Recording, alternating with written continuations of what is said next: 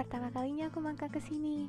Mencoba untuk melukis dengan suara yang tak seberapa, tapi aku akan mencoba untuk menjadi suara yang enak untuk teman-teman dengerin. Akan kuperkenalkan diriku. Semoga yang tidak mengenal jadi mengenal, yang sudah mengenal akan makin mengenal.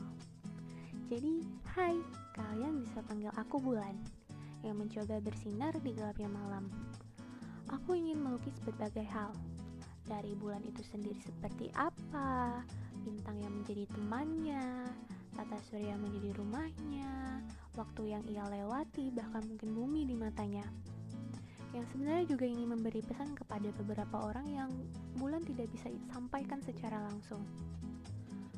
Ya, semoga suatu hari nanti suara ini akan didengar kepada para pemiliknya.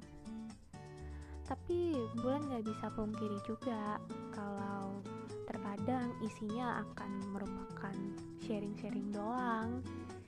Jadi ya gitu deh. Um, podcast ini dirancang untuk tidak terlalu serius tapi juga tidak bisa dikatakan sedang bermain-main. Jadi ya enjoy saja gitu. Hmm yaudah deh. Salam hangat dari bulan untuk para hati yang mendengarkan. Love you